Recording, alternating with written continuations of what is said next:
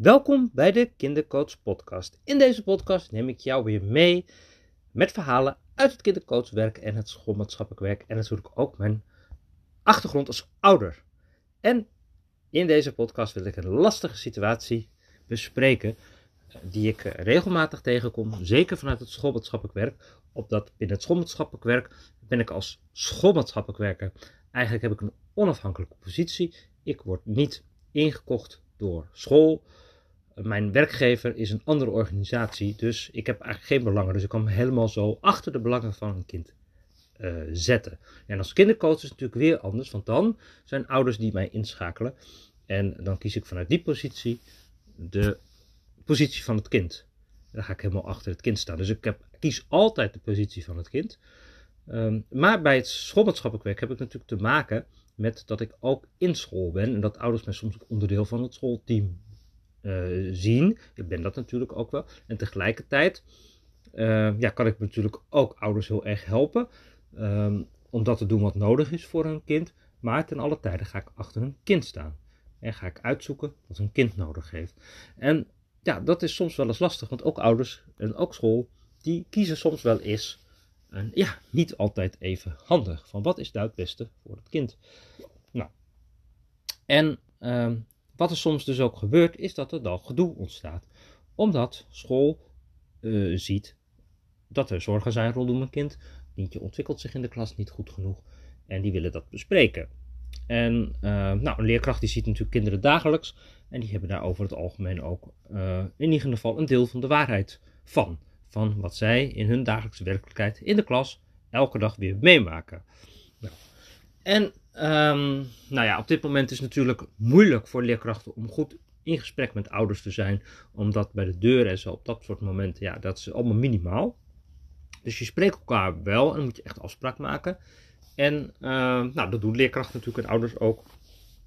En dat is goed. En zo nemen leerkrachten, ouders ook stap voor stap mee met hoe gaat het op school en hoe gaat het thuis. Alleen, wat er dan vaak ook gebeurt, is dat uh, de zorgen die er op school zijn, die zien ouders niet of in mindere mate. Dus dan krijg je natuurlijk een beetje van ja, maar wie is dan verantwoordelijk voor de zorg? En dan zie je vaak dat uh, dan kan de situatie ontstaan dat ouders naar school gaan wijzen, zo van ja, maar school, jullie moeten uh, dat doen wat nodig is voor mijn kind.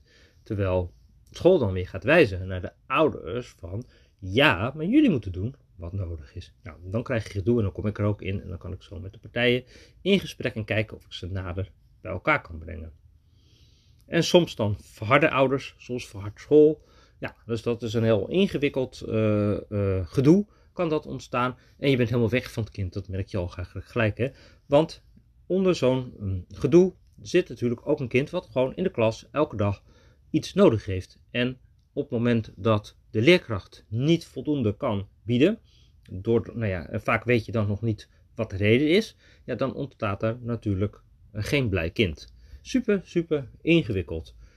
Uh, de, het positie kiezen van schoolmaatschappelijk werk is ook één van de meest ingewikkelde dingen waar je in terecht kan komen. En voor je het weet, zit je in een verkeerde partij. Want uh, ja, iedereen trekt aan je. De gemeente trekt aan je, school trekt aan je, ouders trekken aan je, het kind trekt aan je. En uh, ja, als je een verkeerde move zet, dan word je ergens weggeschaakt. En uh, geeft dat nog meer gedoe. Dus het is elke keer weer terug naar het kind. Dat is echt heel, heel, heel belangrijk daarin.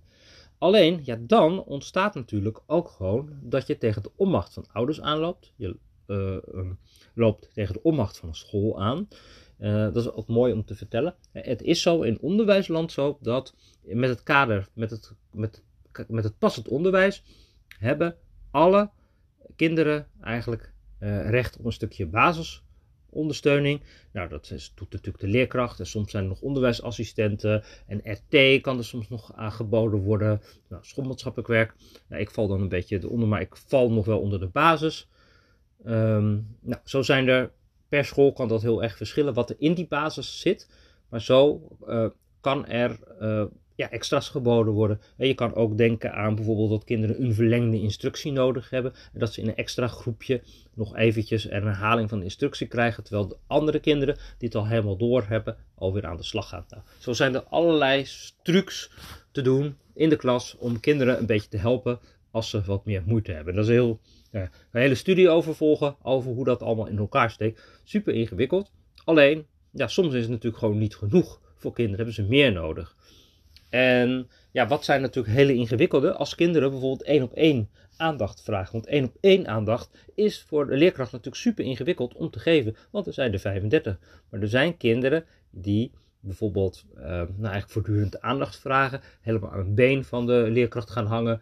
Nou, die heb je bijvoorbeeld. Je hebt ook kinderen bijvoorbeeld die heel erg, met heel erg boos en opstandig gedrag uh, gedoe laten maken van ja, dan eist zo'n kind eigenlijk ook door met bepalend gedrag um, de aandacht van de leerkracht op. Nou, super ingewikkeld allemaal ook om daar uh, mee om te gaan. Maar zo ontstaan er natuurlijk dingen in de klas. En als kinderen dus meer nodig hebben, en één op één, en de leerkracht kan het niet bieden, ja, dan krijg je natuurlijk gedoe. En als dan de ouders gaan zeggen van nee, jullie moeten dat als school bieden. En hoe? Ja, dat is dus ook een ingewikkelde.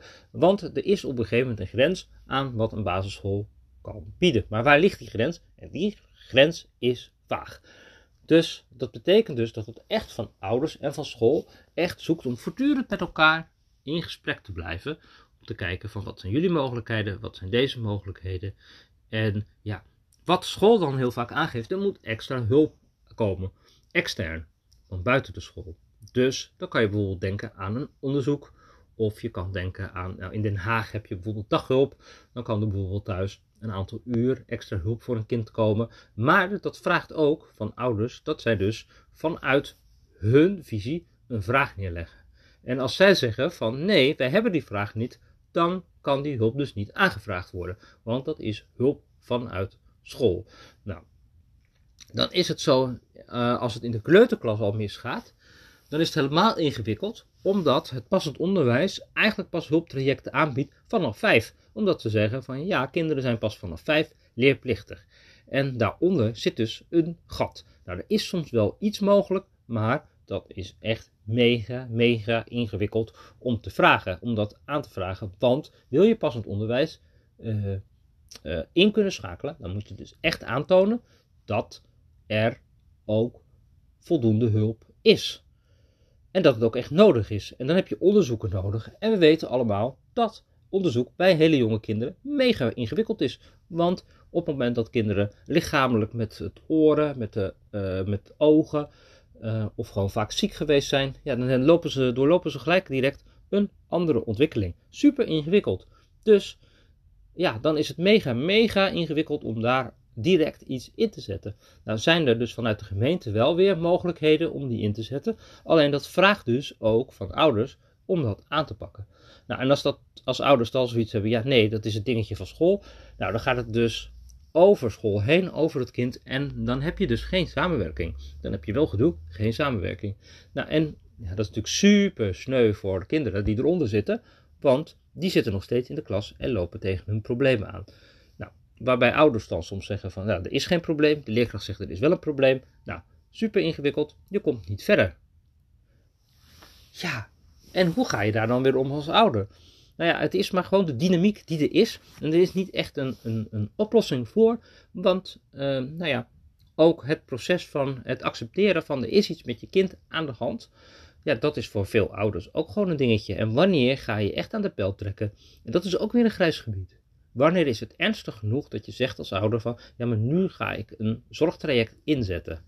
En er zijn natuurlijk hele effectieve zorgtrajecten. Je hebt ouders die grijpen gewoon alles aan. En er zijn ook ouders die daar wat meer afwachtend in zijn.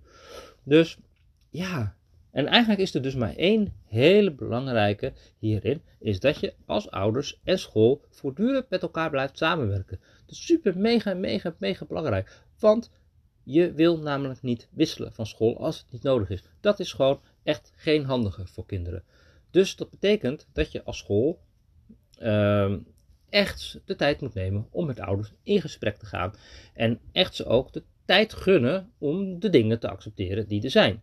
En tegelijkertijd ook goed luisteren naar de mogelijkheden die ouders wel zien. Want als ze denken van, ja, dit traject denken we niet, dan hebben ze misschien nog andere mogelijkheden ook. Het probleem is dan vaak zo dat ouders misschien niet snel genoeg gaan als de school. Nou, die zie je heel veel.